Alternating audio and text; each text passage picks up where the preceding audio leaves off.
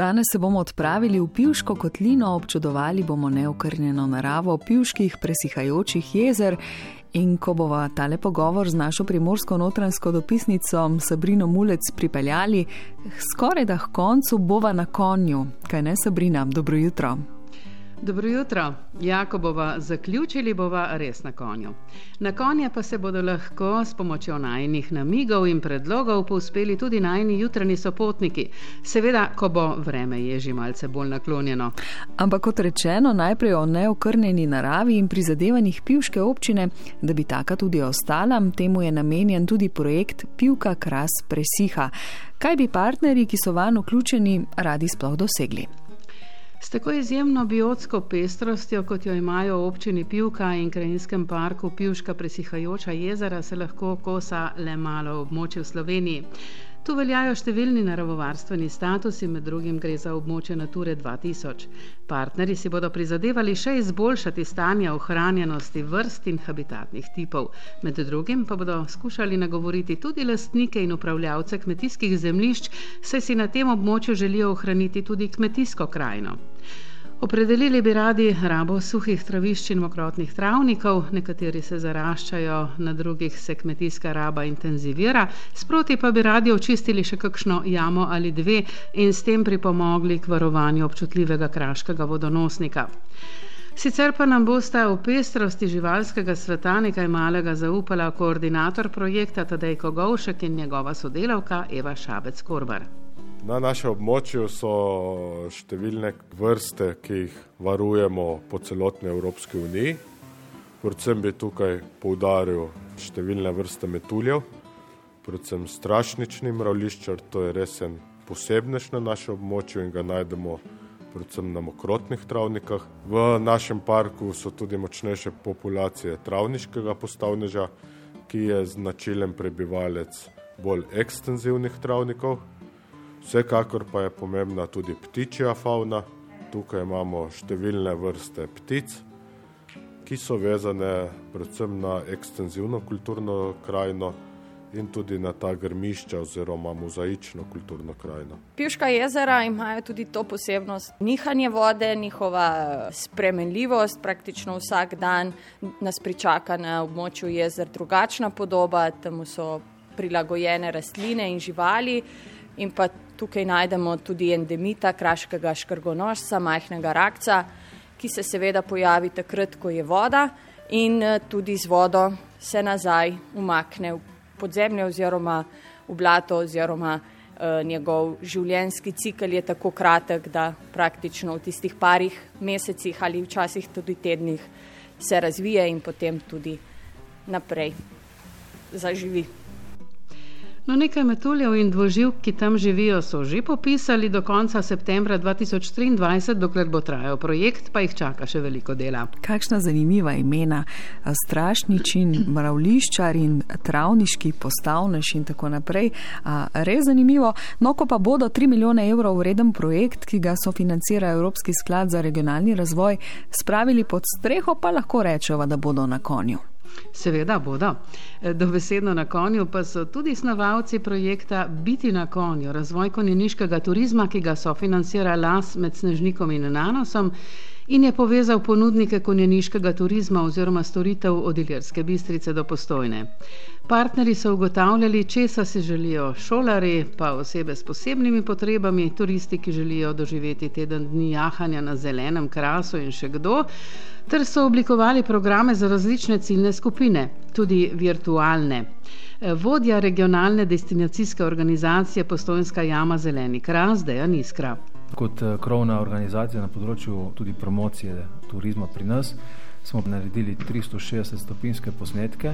To pomeni, da smo skupaj s konjeniki posneli njihovo ježo po takih bolj recimo idiličnih ali pa fotogeničnih lokacijah zelenega krasa in potem imamo možnost to predvajati z enimi VR očali, torej z eno tako virtualno resničnostjo, da lahko tudi tisti, ki ne grejo na konja ali pa nimajo te možnosti izkušijo, kako je recimo jezditi na gradu okrog grada Kalc na pivških presihajočih jezerih. Največ izkušenj pa imajo s tistimi, ki si želijo turističnega jahanja. Za nje so pripravili precej različnih paketov. Vključuje od najema konja, od tega, da se privadijo na delu živaljo, in da obiščejo dejansko te zanimive lokacije pri nas.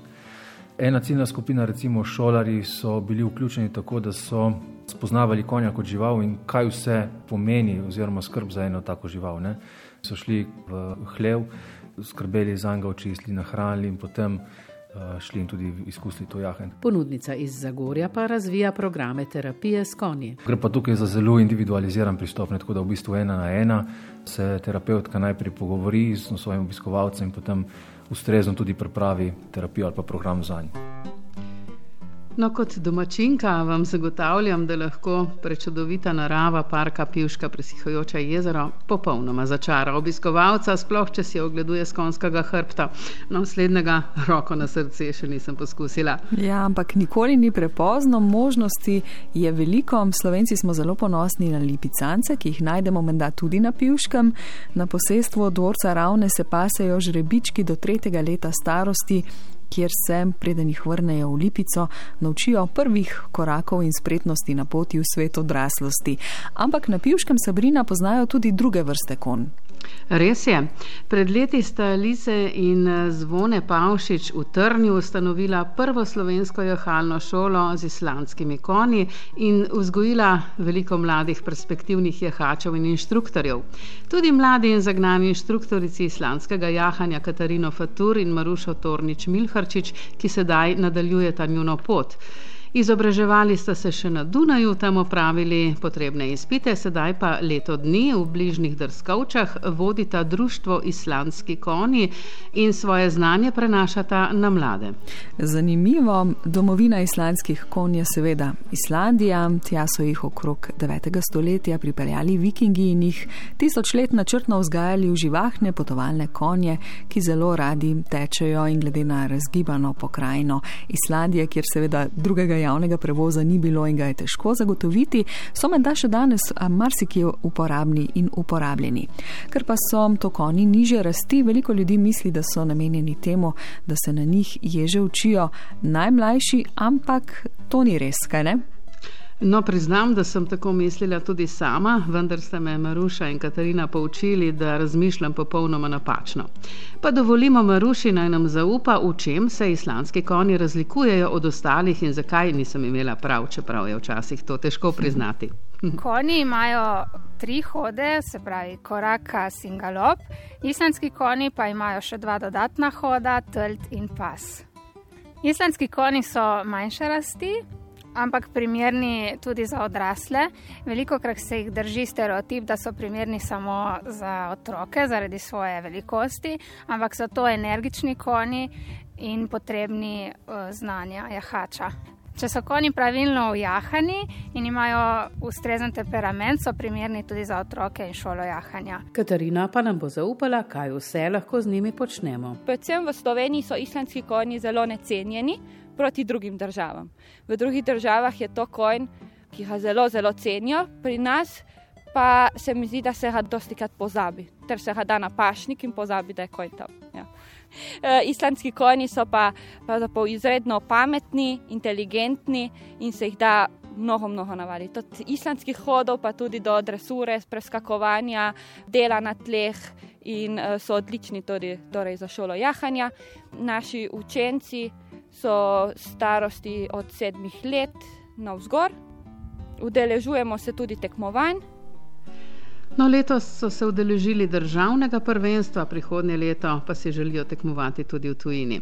Mogoče še podatek, najni sogovornici ocenjujeta, da je v Sloveniji trenutno od 500 do 600 islamskih konj. No, to pa je presenečenje, nisem si mislila, da toliko. Čez deset dni bo Štefanovo, sveti Štefan je seveda zavetnik konj in konjarjev, zato je bil tale najklepet precej aktualen.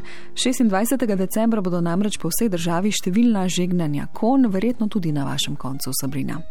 No, prav gotovo, tako le na prvo žogo ti sicer ne bi znala stresti z rokava, kje vse bodo, ampak bodo pa prav gotovo se če dalje več društev oživlja to simpatično tradicijo.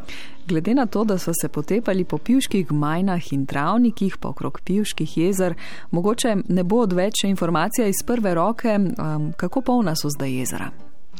Petelinsko eh, je napolnjeno približno do polovice, ostala so prazna, ampak prvo večje deževje ali pa tajajoči se sneg bosta poskrbela, da bo pokrajina povsem drugačna. Vse se torej stalno spreminja, ostaja le njihova očarljivost. Sicer pa mislim, da se bomo sedaj sprehodili po pivških gmajnah še v družbi pivške Ane Popedan, ena popovdne je to. No, vsaka roža je matrn, ampak ravno skozi trnje pa se pride do zvest. Ja, res je tako.